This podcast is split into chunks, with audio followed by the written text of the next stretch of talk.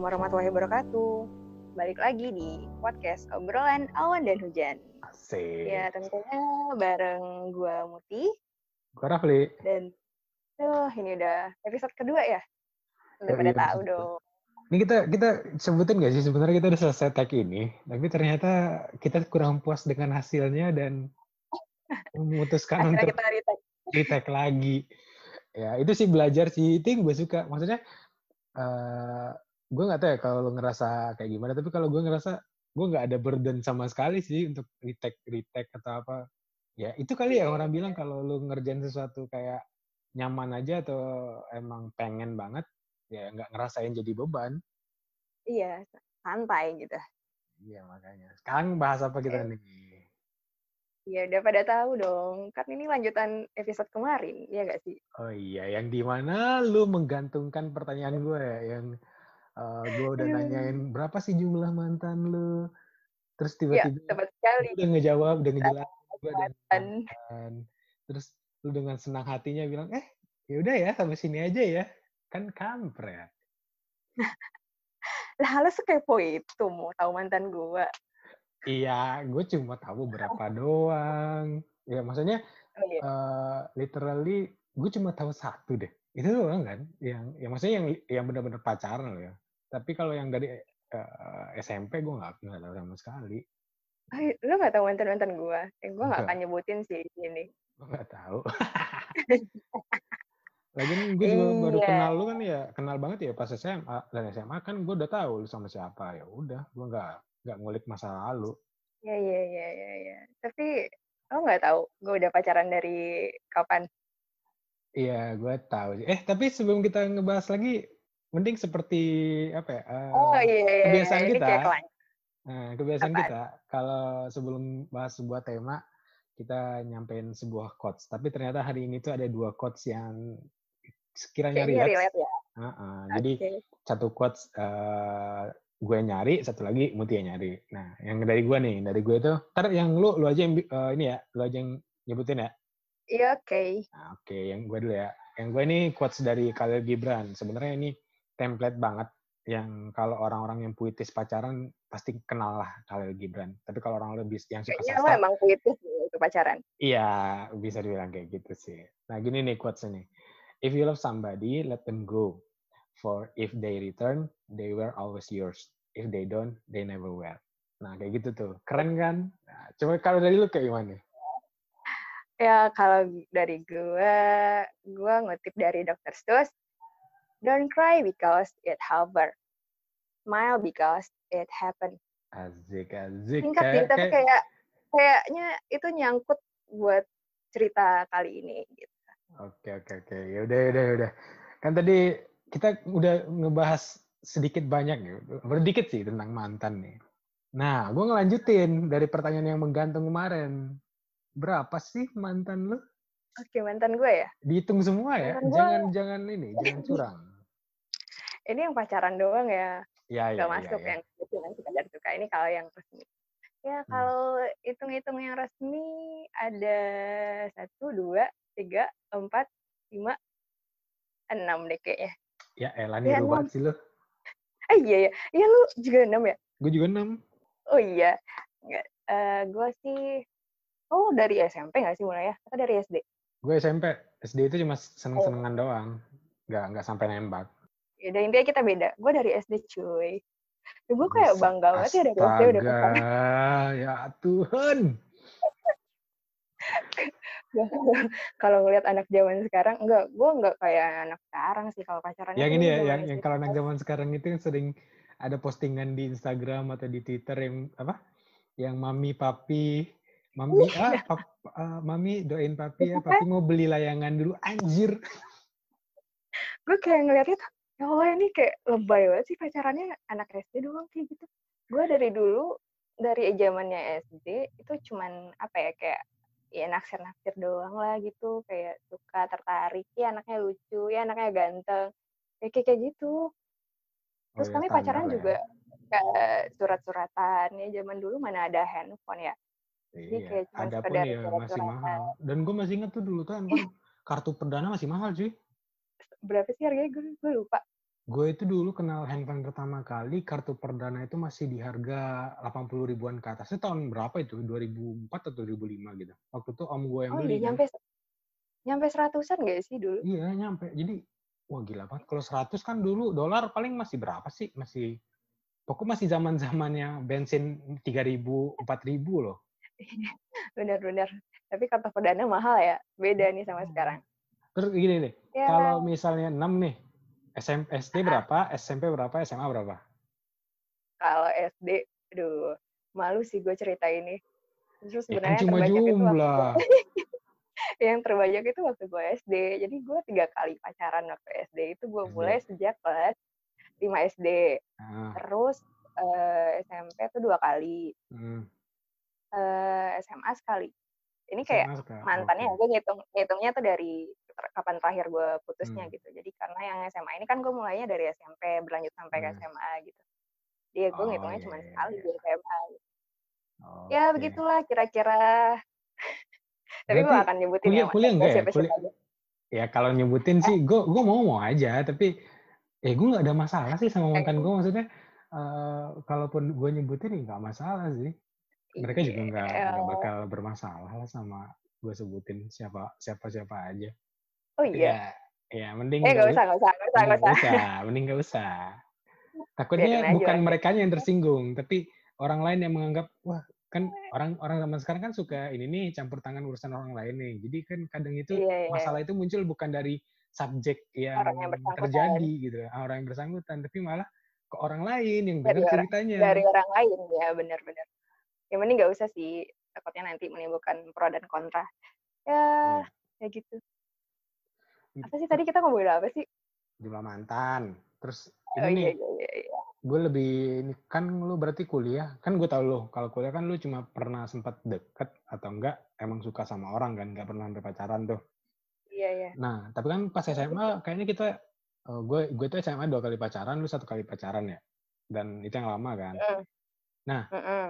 kalau menurut lu nih ntar ntar gue juga nge-share eh, pandangan gue sih kalau misalnya pacaran waktu masih SMA gue bisa bilang SMA aja kita kerucutin ya soalnya kayak- kayaknya kalau SMP masih labil parah banget jadi ya nggak bisa dihitung sebagai pacaran yang dengan akal sehat lah. Tapi kalau SMA menurut gue masih ada akal sehatnya dikit. Nah menurut lu apa sih yang bermanfaat eh, dari pacaran selama lu SMA gitu? Soalnya kan Oh, nggak manfaat. semua ya nggak semuanya jelek ya. Maksudnya ini di luar dari konteks pacaran itu boleh apa enggak tapi kita lebih ngelihat eh, impact positif ke diri kita Hmm, iya, iya, iya, benar. Ya, segala sesuatunya pasti akan ada positif dan negatifnya ya, tergantung kita memaknainya. Ya, Yo, iya nggak sih? kayak ini, kayak tujuan kita bikin podcast. Segala sesuatu itu bisa Iya, dilihat betul banget. dua sisi, ambil yang positif aja, nggak usah negatif. Iya, jadi gue mau ngambil pelajaran-pelajaran yang gue dapat aja ya dari selama gue pacaran. Hmm. Sebenarnya yang gue anggap pacaran yang benar-benar pacaran itu ya ya tau lah yang ini yang terlama dari SMP ke SMA. Hmm. Nah sebelumnya itu kayak cuman sekedar ya naksir doang. gitu. Pelajaran yang bisa gue ambil hmm, apa ya? Yang pertama mungkin kayak ya kalau lo pacaran jangan sampai pacaran itu jadi ganggu prestasi lo gitu. Jadi kayak Oke. bisa jadi ini tuh motivasi, bisa jadi ini itu kayak apa ya? Kayak lo ngatur waktu lo gitu gitu. Hmm, Lo bisa oke. ngatur waktu kalau pacaran gitu. Hmm. Jangan sampai gara-gara pacaran prestasi lo nurun dan itu jadi permasalahan untuk eh, kehidupan lo gitu. Gue Hmm. takutnya gitu sih kalau misalnya gue pacaran gue jadi disalah-salahin kan gara-gara pacaran nggak juara lagi atau gara-gara Hmm. pacaran prestasinya jadi nurun. Nah, gue nggak pengen itu gitu. Dan itu yang jadi sisi positif buat gue ketika gue pacaran. Terus apa lagi ya? Yang kedua pelajaran yang gue ambil eh jadilah pemaaf tapi jangan jadi orang bodoh. Nah, itu tuh. itu tuh. Itu tuh. Su. Iya, ya. itu intinya ya. Jadi kayak menurut gue kalian boleh aja memaafkan memaafkan kesalahan orang, tapi jangan pernah eh, menerima kesalahan yang sama gitu. Jadi Iya, ketika makanya. ya jangan jadi orang bodoh. Duh, ya gitu sih. Lo tau lah cerita gue ya. Iya, makanya. Ntar gue, gue juga bakal nanya eh, related eh, topik ini sih. Ntar paling ya dikit doang sih yang mau gue tanya. Nah, Iya, kalau. Terus misalnya... Eh, bener. Oh, belum belum belum selesai. oh, masih banyak. Oh, ternyata banyak posisi positif pacaran ya dari perspektif lu ya. Aduh, kan kita ngambilnya dari dua sisi, men. Ah, iya, iya, iya, iya. iya. yang gue dapat lagi jangan terlalu berlebihan sih dalam satu hal ya baik itu rasa sayang lo rasa nyaman lo gitu ya biasa aja kalau punya pacar pun anggap ya dia teman jangan Hmm. anggap satu yang terlalu spesial jadi kayak Hmm. biasa aja karena itu nanti ujung-ujungnya bakal nyakitin diri lo sendiri ya gitu sih Oke, oke. Berarti gue itu nangkep sih dari gue manfaat Berarti dapet. otomatis lu ketika lu pacaran waktu SMA itu pertama prestasi lu naik karena lu nggak pengen pacaran jadiin jadiin apa ya kayak kambing hitam kalau misal prestasi lu ah turun. iya benar Terus ya eh, lu jadi bisa belajar memaafkan, tapi jangan jadi orang goblok. Nah iya ya Terus yang juga ketiga, sih bahasanya. eh serius suara lo lebih gedean yang ini dibandingkan yang tadi padahal sama aja, nggak ada bedanya oh iya posisinya, ya sama aja. oh iya Hmm. udah deh kayak perasaan gue deh Oke, gue poin ketiga tadi apa ya? Kok gue jadi kelupaan ya? jangan terlalu berlebihan dalam satu hal Ah ya, jangan terlalu berlebihan.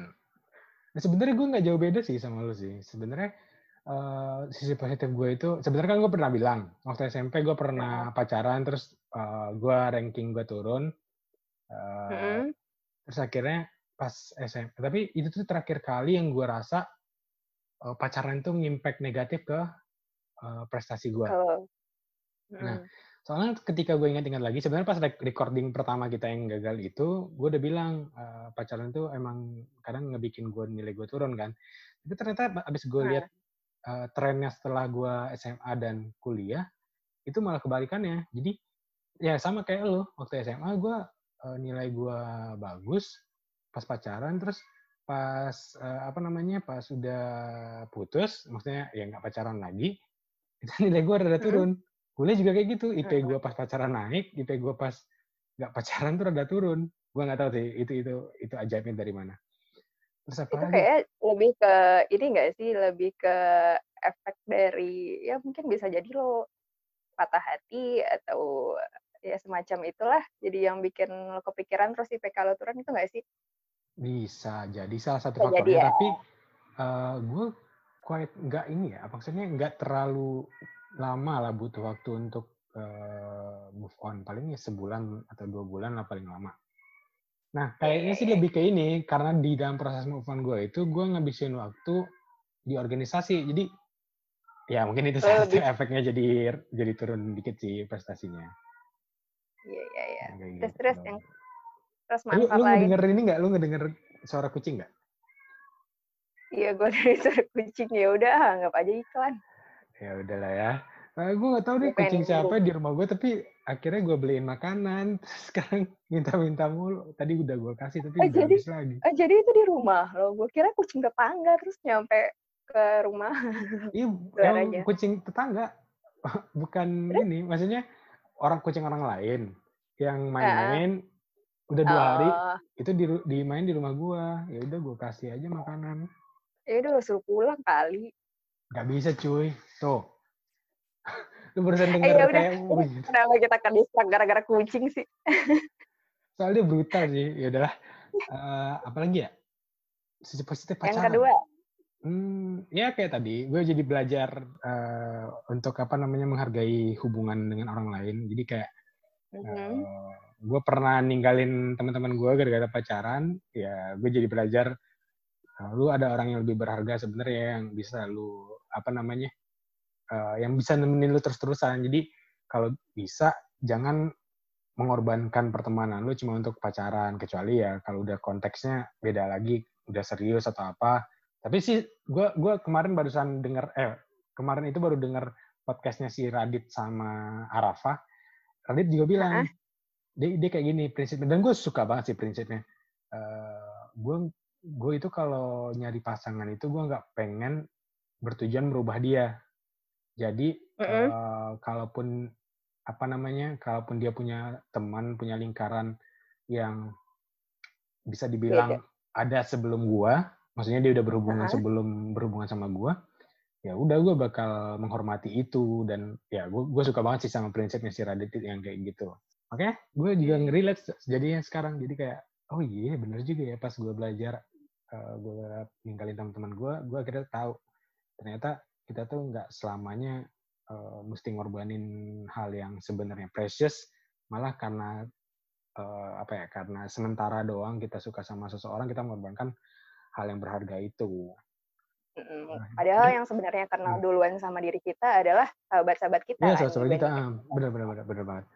Terus yang poin terakhir apa ya? Uh, poin terakhir apa ya? Oh ini gue bisa mengenal orang. Jadi gue bisa ngerti cara treatment orang lain. Uh, uh. Dan itu juga gue juga gue matangkan dengan ngebaca buku sih. Jadi uh, sedikit banyak jadi apa ya kayak ngasah skill sosial gue sih kayak gitu itu sih yang itu manfaat yang lo dapat waktu itu manfaat yang lo dapat waktu SMA atau itu oh, udah kuliah. kuliah kalau itu tuh kuliah cuy SMA nggak mungkin punya pikiran kayak gitu lah ya benar nggak gue pengen ngomong kayak gini maksudnya tuh ketika kita masa sekolah dibandingkan nah. kita kuliah itu pasti akan beda kan ya, beda, beda. perlakuan kita uh, cara kita berpikir itu akan beda nah hmm. ya gue di sini ngebahas masalah SMA karena bagi gue nggak terlalu banyak gitu manfaat yang harus manfaat pacaran yang kita dapat dari SMA. Hmm. Karena pertama kan emosional kita masih labil gitu loh. Ya. Jadi emosional kita belum apa ya, belum matang deh gitu. Dan itu lagi di masa peralihan antara remaja dan dewasa. Hmm. Ya gitu sih. Dan itu juga sih, ya. gue pas kita kuliah itu karena apa ya, kan at least gini loh, waktu kita kuliah perbedaan signifikan dari waktu SMA adalah kita dilepaskan untuk mengatur jadwal masing-masing kan. Nggak kayak uh -uh. Uh, dikasih jadwal. Ya, emang kuliah tetap ada jadwal, tapi kan bangun tidur kita yang ngatur, tidur kita yang ngatur, waktu kosong kita yang ngatur, nggak kayak dulu kan. Kalau dulu kan ya dari jam 7 sampai jam 4 atau sampai jam 5 sore di sekolah, terus sesudahnya itu main bentar atau apa, terus istirahat, makan ya kayak gitu doang kan. Nah, jadi sedikit yeah. banyak itu kayaknya uh, pola kita dikasih kebebasan untuk mengatur waktu itu ngebikin kita uh, apa ya punya cara atau pola pikir yang berbeda ketika kita pacaran pas kuliah dan ketika kita pacaran pas SMA. Belum lagi kita kalau kita ngebicarain variabel ini ya lingkungan atau apa yang kayak gitu kan banyak lagi tuh. Gue justru waktu SMA pacarannya cuma di sekolah cuy. Terus paling ya chatting chattingan doang. Jalan-jalan. Jalan-jalan. Jalan-jalan deh. Lu ngedate enggak? gue jarang banget buat keluar berdua paling itu kayak ngerayain anniversary oh, eh, buat iya, iya, iya, jalan-jalan sore jalan-jalan sore itu sih enggak terus apalagi kayak keluar malam minggu itu apalagi nggak nah, boleh gua, banget gue kira keluar malam minggu lu rutin. Maksudnya gue tahu lu pacaran udah lama kan. Maksud gue ya gue gue nggak iya, sebagai kan? orang luar ya lu bakal tiap weekend keluar eh bukan tiap weekend maksudnya tiap malam minggu itu keluar ya diapelin mana boleh cuy mana boleh cuy. Gue anak anak mama yang ya mama gue sebenarnya enggak yang larang ya tapi juga hmm. yang bolehin gitu jadi ya udah gue kayak ini santai aja gue nggak dilarang dan gue nggak dibolehin juga gitu karena oh, entah itu baik atau enggak sih tapi hmm. mau dibilang baik orang tua gue tahu gitu yeah. cuman orang tua gue no comment oke oke oke ya sih lagi juga kayak waktu zaman zaman kita juga keluar malam itu juga bukan hal yang lumrah dilakuin sama anak-anak muda kan. Nah, beda sama sekarang. Sekarang mah gila iya. anjir. Gue kaget banget kan jadi waktu gue masih kuliah itu, maksudnya tahun kedua, masih kan baru dua tahun lah perubahan, masa masa perubahannya signifikan gitu kan kata gue. Dan gue iya. balik ke rumah, ya ini namanya mama kan pasti dapat gosip-gosip kan di lingkungan atau apa. Nah itu tuh gue kaget. Jadi kayak uh, sekarang itu bukan bukan mungkin sekarang masih kayak gini juga ya tapi waktu dulu yang dua tahun waktu gue masih kuliah itu gue sering dapat kabar uh, misalnya anak si A pulang malam jam 10 jam 9 anjir kata gue gue jam 10 jam 9 tuh udah jam tidur gitu loh. Maksudnya paling telat ke rumahnya dulu tuh jam 7 jam 7 pun udah kena marah atau iya. apa sekarang jam 9 udah jam 10 gitu loh. Iya. Zaman berubah sih. Kadang jadi kayak satu kebiasaan yang di apa ya yang diperbolehkan. Apa sih bahasa gue ya, intinya kayak gitu. Dulu kayak tuh jadi ya kayak apa namanya ya udahlah ya gitu lah. Kayak kayak orang tuh udah pada malas juga ngatur atau apa ya ya benar benar benar terus gini uh, apa? kan gue dari tadi ngomongin ini ngomongin lu pacaran lama nah gue baru baru sadar kan bukan baru sadar sebenarnya gue sadar dengan sadar sekali dengan sadar sekali gue ngeliat record gue gue itu pacaran nggak pernah lama paling lama itu satu tahun. Jadi kalau gue breakdown, Hmm. enam kali pacaran. Pacaran pertama Hmm. satu bulan, pacaran kedua ya sekitar satu bulan atau atau tiga bulan gitu ya, tiga bulan kayaknya. Pacaran ketiga itu Hmm. satu semester, pacaran keempat itu tiga empat bulan, pacaran kelima itu satu semester mungkin kalau nggak salah ya satu semester kayaknya deh. Nah pacaran pas kuliah yang terakhir itu satu tahun. Nah kalau lu kan lebih dari Hmm. setahun ya, bisa gue bilang, gue bilang enam tahun gak sih? Jangan kira, jangan salah, nggak nyampe 6 tahun. Enggak sampai, gue kira sampai enam tahun loh. Empat, empat atau lima? Em, hampir 4 kan dari kelas 3 SMP Oh tiga lanjut SMP. sampai kelas ya sampai tamat kuliah eh tamat kuliah sampai mau masuk kuliah. Nah ya, maksudnya kan empat tahun udah di atas rata-rata lah. Mungkin orang kalau pacaran pun ya setahun, dua tahun itu paling lama. Nah kan lu dua kali lipat ini. Tapi Apa sih yang bikin iya tapi lu selama ini? 4 tahun itu ada putus nyambung juga sih. Iya, tapi kan nggak ini, nggak nggak pindah ke orang lain. Iya, Nah masih bertahan dengan mau orang yang tanyain. sama ya. Ah, alasan, nah itu Oke. sih alasan dan kenapa sih bisa bertahan gitu loh. Alasannya, oh deh, panjang. Iya iya iya. Oke sih. Eh, karena gini, kalau misalnya gue bandingin ya, anggap aja gue gue mau nyamarin nama dia sih. Gue pacaran sama Koko. Hmm. Jadi sebelum gue dengan Koko ini, gue pacaran sama berapa orang ya? Tadi mantan gue ada berapa ya? Ada enam. Jadi ada lima mantan. Ada, lima. Lu dengerin suara sesuatu gak? Enggak. Jadi eh, sebelum gue dengan Koko, gue, ada lima orang mantan.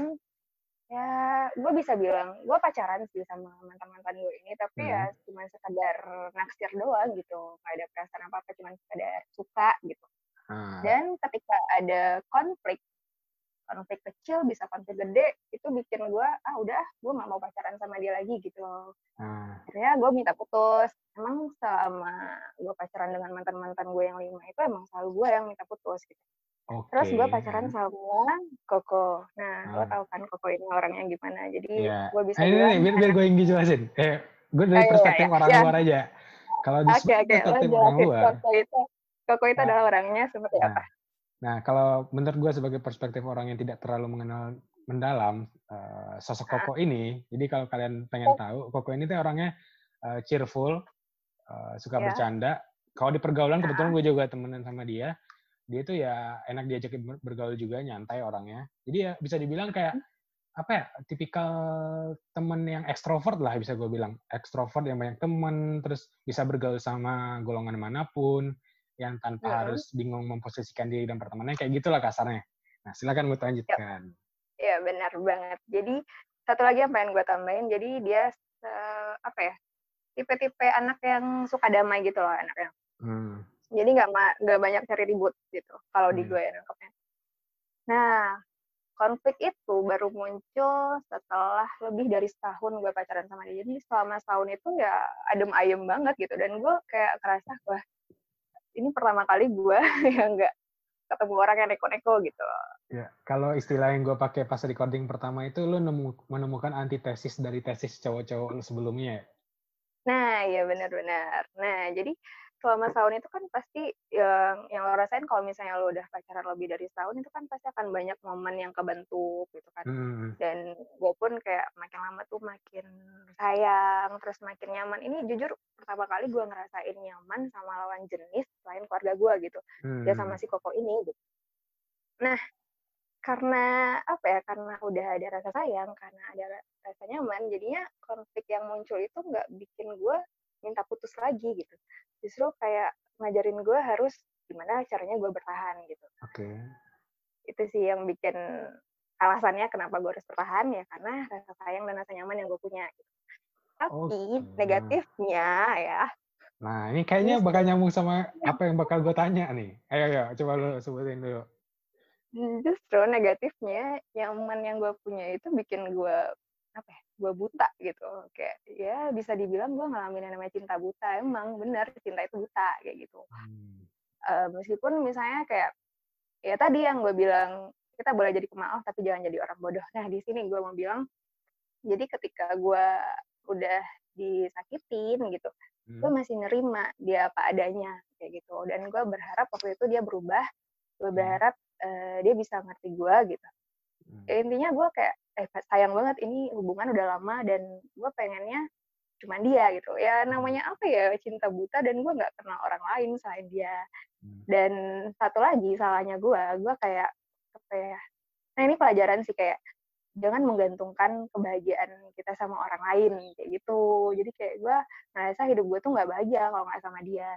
Ya, ya, dan benar-benar. itu yang bikin gue ya dia kayak semacam jadi orang bodoh bisa Atau bisa ya bucin. mungkin orang luar iya bisa bucin orang luar mungkin nilainya gue bucin banget gitu. Nah, tapi gini sih, eh, perspektif lo tadi tentang itu kayaknya nggak bisa kita generalisir juga. Jadi eh, dari pandangan gue nih ya, kalau misalnya gue nggak tahu nih, lo kan pasti udah mengambil pelajaran penting nih, sampai lo bisa bilang eh, jangan jangan sampai jadi orang bodoh lah. Kalau lo emang pengen jadi orang yang memaafkan, tapi jangan bodoh-bodoh amat.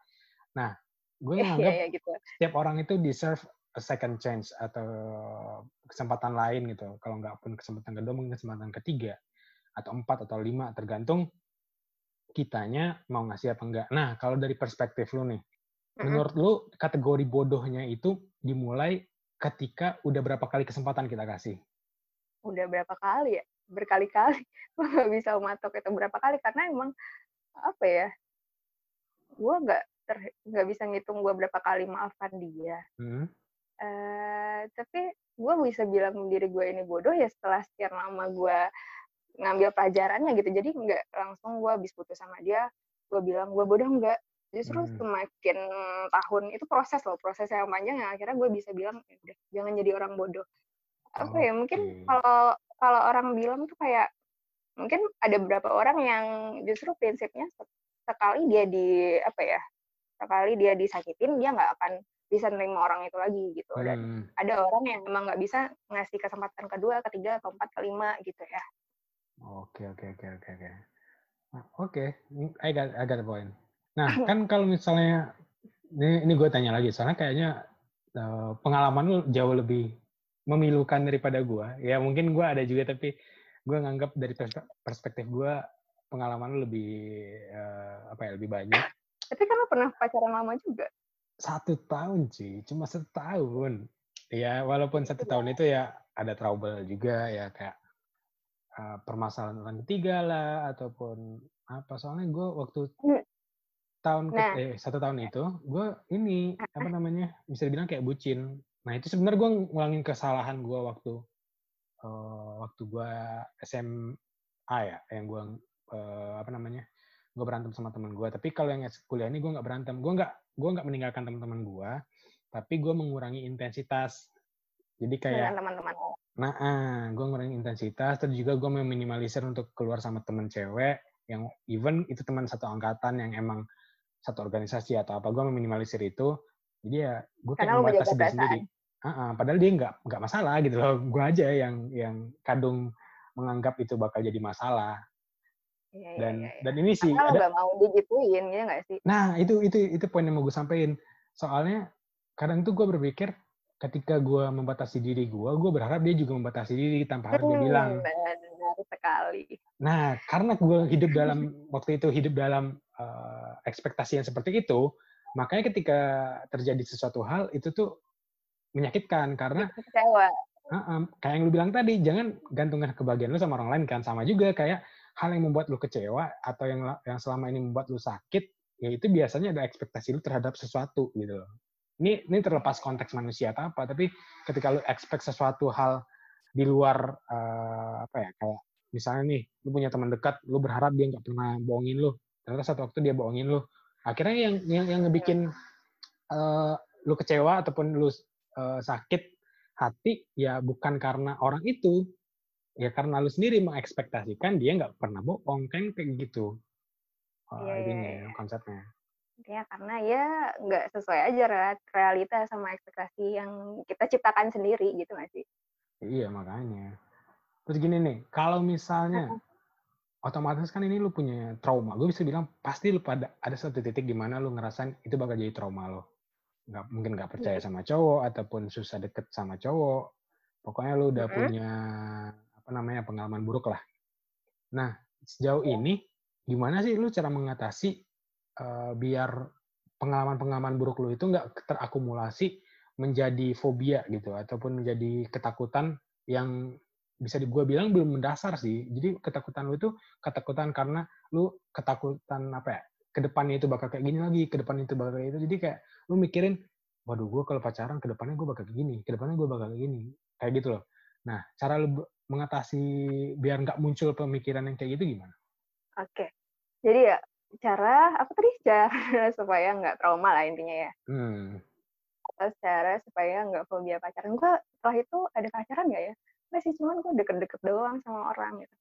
Uh, hmm. Menurut gue gini, uh, caranya supaya nggak trauma itu kenalin dulu nih kesalahan ya meskipun gue bisa bilangin ya waktu di masa lalu di masa SMA itu kesalahan nggak sebenarnya nggak cuma datang dari pasangan gue gitu hmm. tapi ada dari diri gue itu terlihat itu tadi yang gue bilang dari ekspektasi gue gitu hmm. nah caranya itu ketika gue berhubungan dengan orang baru gue mengenal orang baru gue nggak terlalu berekspektasi terlalu tinggi sama dia gitu hmm.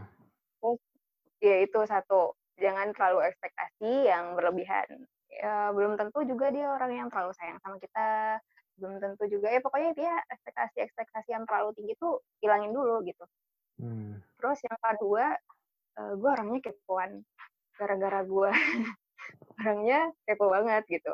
Dulu tuh ya jadi sebenarnya gimana ya gue tuh orangnya gara-gara udah uh, udah nemuin apa ya ketika kepercayaan yang gue kasih itu nggak dipergunakan dengan sebaik-baiknya huh? di situlah kadang gue jadi nggak percaya sama orang itu gitu dan itu yang bikin gue kadang lebih ke overthinking lebih ke kepo eh ini dia main sama cewek lain gak ya eh dia ini gak ya jadi kayak sebenarnya tuh kayak masalah timbul dari pikiran-pikiran gue sendiri gitu kan iya, iya. iya. dan dan itu itu jadi ini gak sih jadi bisa dibilang kayak jadi minyak yang memperbesar api ketika ada percikan masalah kecil aja. Nah, bener. Terus gue kadang kayak pakai firasat-firasat gitu. Firasat gue nggak enak nih. Kayak ada sesuatu. Nah, terus gue kayak ngepo-ngepoin. Terus ketemu hal yang bikin gue emang sakit hati sendiri gitu. Akhirnya, ini nggak proses yang bentar ya. Ini kayak proses panjang yang gue bisa uh, sampai di titik, ya pokoknya gue nggak usah kepo lagi. Hmm. Kalau seandainya emang Tuhan memperlihatkan eh kalau emangnya orang itu nggak baik buat gue pasti akan diperlihatkan ketidakbaikannya gitu jadi gue nggak usah terlalu uh, mencari tahu masa lalu dia atau mencari tahu dia deket sama siapa aja gitu hmm. dan akhirnya emang ke, ketika gue deket sama orang lain ketika deket sama orang baru itu apa gue nggak yang terlalu kepo mantannya siapa aja nggak hmm. dia main sama siapa aja nggak nggak peduli justru jadi Nah. sisi sisi negatifnya jadi gue nggak pedulian sama orang lain jadinya gitu. Ya, terus tadi lu ngomong yang ini kan apa? Kalau misalnya emang nggak baik, uh, lu minta uh, Tuhan nunjukin ketidakbaikannya dia kan kayak gitu. Ya. Gue jadi inget ini, iya. lu lu tahu video viralnya Raditya Dika yang dia uh, cerita cintaku nggak? Yang ada dua adik iya. kakak yang dipanggil ke depan. Atau lu nggak ngikutin? Gak tahu, gak tahu. Aduh, lu, lu, aduh, lu, ntar gue kasih list list lengkapnya deh itu tuh kisahnya kayak gitu itu zaman kapan sih keluarnya eh cerita cintaku baru 2019 jadi di YouTube-nya dia uh, gue ke, gue kebetulan ya. ikut ikutan show-nya kan ikutin. gue ikutin Terus, ikutin show-nya kan yang maksudnya yang uh -huh. waktu live uh, di Bintaro tapi nggak uh -huh. ada yang menarik nah uh -huh. ternyata se, se apa uh, episode dia yang pertama itu dia langsung ngeluarin um, kisah tentang dua adik kakak yang satu adiknya ini kisahnya dia ngebawa uh, cewek ke uh, show itu ya itu digali dikulik-kulik sama Radit terus akhirnya dia bilang dia tuh pernah ada rasa suka sama cewek ini. Itu awkward banget dong. Nah kan udah kelar tuh. Sebenarnya ini kocak banget. Ntar lu nonton aja deh. Nah abis itu si uh, dipanggil lagi kan penonton beberapa kali bla bla bla. Terus muncul nih yang kedua yang mau yang dipanggil ke depan. Uh, terus akhirnya uh -huh. ditanya tanya-tanya. Duduknya pas ternyata kan Radit ngeliat tuh duduknya di sebelah sama si cowok yang pertama dipanggil. Terus ditanya uh -uh. lah lu dek lu temenan gitu ada gua bang yeah. jadi jadi abangnya yang dipanggil ke depan kan jadi itu emang emang uh, random banget dan malah orang anggapnya itu settingan kan soal ceritanya epic banget lu harus dengar sendiri sih pokoknya ceritanya itu tentang okay. uh, eh, kalimat yang lu sampein itu ntar gue kasih listnya deh Kocak anjir. Iya, iya. Nanti kayak gue harus uh, nonton deh. Yo, iya. Ya, gitu Terus, sih. Apa lagi ya? Gue ada juga, ada juga sih tadi yang mau gue tanyain, tapi gue kelupaan. Apa ya? Aduh. Eh, kok lo terusin nyarinya? Oh ya udahlah, udah. Udah, gue kasih lah kesempatan dah. Iya, gue mau nanya. Oh kan, ya maksudnya dari pacaran yang bener-bener itu, Hmm. menurut gue pasti akan ada proses ini ya, proses move on dari yang satu ke yang lainnya. Hmm. Ya setiap setiap selesai dari pacaran itu pasti akan ada fase move on kan. Ya. Menurut lo gitu nggak? Gimana Pasti sih sih. cara lo ngadepin move on terlama lah, move on terlama yang pernah lo hadapi? Move on terlama terlama gue ya pas kuliah sih itu move on terlama gue. Oh, Jadi kuliah. waktu uh, gue sih biasanya kalau move on tipikal move on gue waktu pacaran-pacaran sebelumnya itu selalu mencari yang baru. Itu adalah template Hmm. anak muda banget dan lu pasti ngerti yang pemikiran yang kayak gitu kan. Jadi kayak nggak nggak rela ada Mencari yang kekosongan. Ada yang baru. Nah, Iya, tapi iya, kalau yang iya. sama yang waktu gue kuliah ini, eh gue entah kenapa gue nggak, ya karena gue waktu sebenarnya gue udah ceritanya di recording pertama, gue punya janji kan. Nah janji yang ternyata gue nggak tahu tuh, kayaknya gue nge- nge-shape eh, apa ya, nge-shape diri gue itu pas kuliah yang bukan pas pacaran doang, ya, tapi pas kuliah itu kayak gue nggak mau ingkar janji sama apa pun gitu. Jadi kayak gue kalau udah janji ketemu sama orang gue usahain tepat waktu. Pokok janji-janji Mm-mm. kecil pun gue gua bakal tepatin. Termasuk janji gue untuk nggak pacaran lagi kan. Sama Iya. eh, mantan gue ini. Gue pernah janji gue pokoknya pas kuliah ini gue cuma satu kali pacaran. Dan itu gue tepatin kan. Nah itu yang Oh, bikin iya, proses iya. gue sedikit lama.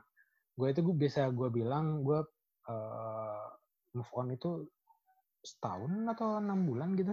Jadi eh, dalam proses itu, nah gue beruntungnya gini, beruntungnya gue itu Mm-mm. adalah, eh, gue kan waktu gue pacaran, ini adalah salah satu penyesalan gue juga. Waktu gue pacaran pas kuliah itu, gue me, apa ya, mengorbankan kesempatan-kesempatan gue untuk berkembang. Jadi kayak gue sebenarnya eh, diminta sama teman gue untuk maju jadi calon ke- ketua himpunan juga. Terus gue juga eh, mengorbankan eh, jabatan gue di BEM eh, Institute. Eh, waktu itu masih jadi staff karena gue merasa apa? Gue nyari alasan lain dan gue merasa merasa berdosa banget sih gue berbohong sama ketua himpunan yang udah nitipin gue di ya, BEM pusat. Uh, itu gue alasan gue gue pengen fokus di kaderisasi. Kebetulan gue juga tanggung jawab gue di handle maba kan. Jadi cukup banyak dan gue bilang ya udahlah gue pengen fokus di himpunan aja. Sebenarnya alasan utamanya itu ya gue pengen waktu pacaran gue tuh nggak keganggu. Nah, Nggak itu salah satu berkurang. gue kan. Nah terus habis itu Iya, iya. Nah, eh, gue putus 6 bulan. Nah, gue menemukan lingkaran pertemanan. Sebenarnya lingkaran ini udah ada dari lama, tapi gue baru intens lagi sama mereka. Nah, akhirnya tuh Mm. kita ternyata kan ini ya, gue selama kuliah itu gue emang suka sama isu-isu politik atau apa pun lah yang berkaitan dengan kebijakan kan. Nah, akhirnya gue ketemu orang-orang yang pas dan punya visi yang sama, kita ngebikin komunitas. Nah, komunitasnya itu yang gue godok selama gue satu tahun terakhir di kampus. Jadi semester 9, gue gue empat setengah tahun kuliah. Jadi eh, semester 9 sama semester 8 gue full di eh, ngurus organisasi atau komunitas yang gue bangun itu sama teman-teman gue. Nah itu yang ngebikin gue paling cep apa ya jadi bener-bener move on. Kayak akhirnya gue nggak apa ya gue ada sesuatu eh, tempat atau suatu tempat di mana gue bisa mencurahkan perhatian gue gitu. Nggak harus so- sosok eh, cewek gitu. Tapi sosoknya ini berubah menjadi organisasi atau Organisasi. lingkaran pertemanan kayak gitu. Itu sih yang membuat gue cepat jadi move on di waktu kuliah. Ya maksudnya nggak cepet-cepet amat tapi at least move onnya itu dengan cara yang baik gitu. Bukan dengan cara kayak ca- cara lama nyari pasangan baru atau apa. Gue sempet nyari deketin cewek waktu kuliah itu tapi Oh ya iya. kayaknya nggak nggak ini ya nggak bisa juga gitu gagal gitu gue gue Karena pernah lu udah janji kan sama ya, gue diri udah lo janji sendiri. gue udah janji sama diri gue sendiri ah pokoknya ntar ntar ada out of the record gue pengen tanya lu kayak lu kayak gue sempet tanya, eh, cerita ke lu deh tapi out of the record lah soalnya Iya. ini rada sensitif soalnya Iya, iya, iya. Gue tahu sih proses move on lo dari awal-awal itu. Ya intinya Hmm. kayaknya kalau misalnya pengen move on ya cari sesuatu yang bikin kita nggak fokus lagi ke masa lalu kita Hmm. ya bisa itu organisasi atau fokus sama diri sendiri ya itu terserah sih tapi asal jangan eh, fokus ke yang lama gitu. iya benar Tapi gue salah satu orang yang kurang setuju ya kalau em, pengen move on itu harus beralih ke orang lain. Gue kurang setuju sama hal itu gitu. iya Ya makanya itu kayak lain sih itu kayak kayak nganggep orang lain itu pelarian, cuy. Iya dan dan gue selalu gitu loh ketika gue ngedeketin orang untuk waktu habis baru-baru putus itu ya gue ketika nge- ngedeketin orang itu gue yakinin diri gue dulu ini gue bakal jadi apa ya gue ngebikin ini pelarian apa enggak gitu loh kalau enggak mending Nah, gue lanjutin tapi kalau misalnya emang pelarian ya mending nggak gue lanjutin gitu loh kasihan orangnya. Hmm, makanya. Iya, bener bener bener. Ini nggak berapa lama sih kita? Tadi kan gue kepotong gue ada tamu itu tiga menit ya. Berarti sekarang udah 39. Kayaknya kita menuju area penutupan aja. Nah, Iya, gue iya, iya. pengen nanya nih. Kan kita udah sebenar- sebenarnya kan kita kan ya sama lah jatuhnya punya mantan enam. Nah, gue pengen Mm-mm. tahu nih, ada nggak sih pesan dan pesan, eh pesan dan pesan, pesan dan kesan ataupun pesan aja deh buat mantan-mantan lo di sana. Mantan gue, ya ini sesi khusus mantan. Mudah-mudahan mantan gue denger ya. Ya, pastilah, orang masih lingkaran kita. Aduh, gue mau ngasih pesan buat mantan-mantan gue. Mantan Hmm. gue nggak cuma satu, mantan gue banyak. Iya, iya, iya, iya. Iya, terima kasih. Ya, sesuai sama judul kita, judul podcast kita kali ini ya terima kasih mantan. Jadi gue minta makasih kalian pernah hadir di hidup gue. Hmm, Ya apa pun yang pernah kalian lakuin buat gue, yang nggak nggak bakal bikin gue benci sama kalian gitu. Ya menurut gue kalian adalah perantara Tuhan buat ngasih Hmm. gue pelajaran gitu.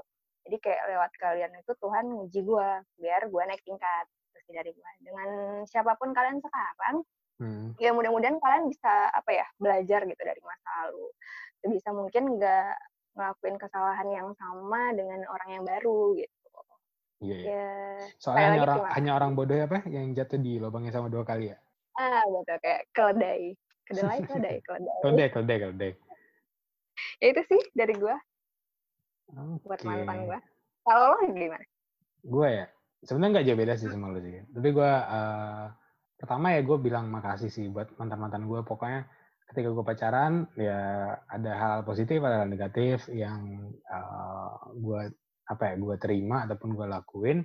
Tapi gue ngambil dari sisi positifnya itu ya itulah yang ngebikin apa ya nge-shape gue jadi orang yang kayak sekarang yang punya eh, banyak pengalaman yang bisa ngambil hal-hal positif dan kayak intinya deh kayak ini deh gue jadi nggak gampang untuk bisa dibilang kayak menyerahkan sepenuhnya kepada orang lain ya kayak lu bilang kayak kebahagiaan nggak bisa diserahkan sepenuhnya ke orang lain kan ntar kalau orang itu tiba-tiba mau ngejatuhin ya gimana gitu kan kita bakal sakit sendiri. Dia pun eh, dia nggak ngerasa apa-apa. Akhirnya gue belajar kalau kebahagiaan itu ya kita ngatur sendiri. Dan itu gue dapat ya salah satunya dari proses gue pacaran ya enam kali itu. Dan yang pelaj- kalau gue bisa jujur bilang pengalaman gue paling banyak itu ya waktu gue kuliah sih. Soalnya itu juga Kuliah ya. dihadapkan dengan masalah-masalah lain kan. Jadi sedikit banyak itu membuat gue jadi orang yang lebih baik sih. Pasti pasti kayak Oke. gitu ya intinya ambil manfaatnya dari mantan ya. Oh ya satu lagi pesan gue buat mantan. Semoga lu kesu- eh, lu, pada eh, kalau lu emang dengerin ya lu pada eh, aja hidupnya berbahagia.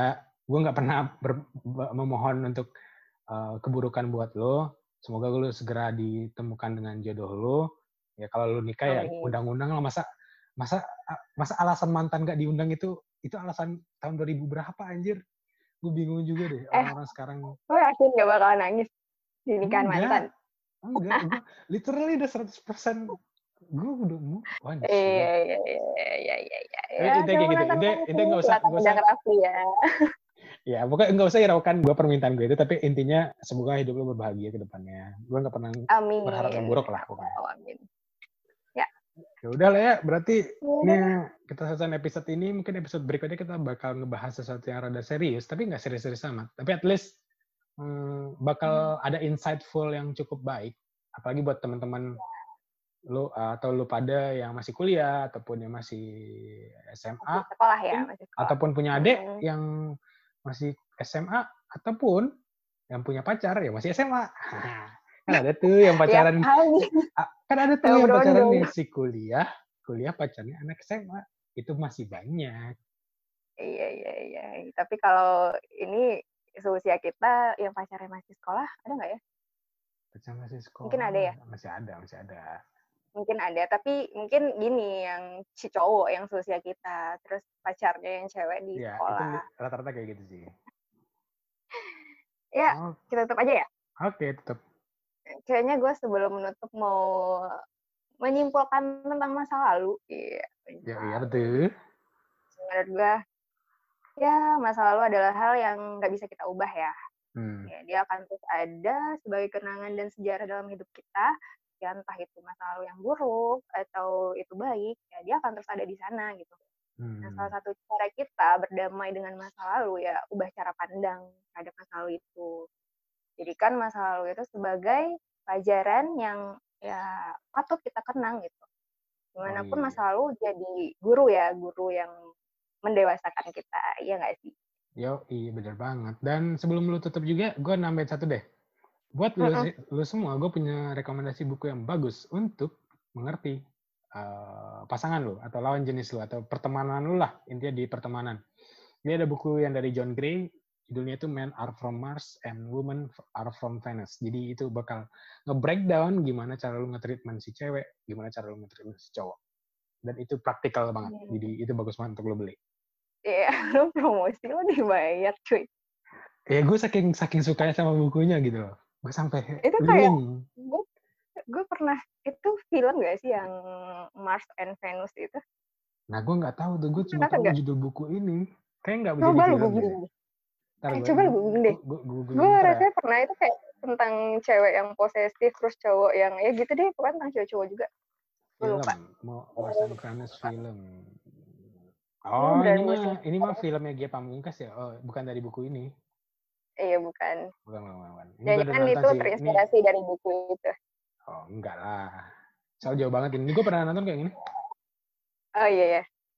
Ya udah sih, Cus, iya. kita tutup aja episode kali ini. Sampai ketemu di episode selanjutnya. Assalamualaikum Iya warahmatullahi wabarakatuh. Waalaikumsalam warahmatullahi wabarakatuh.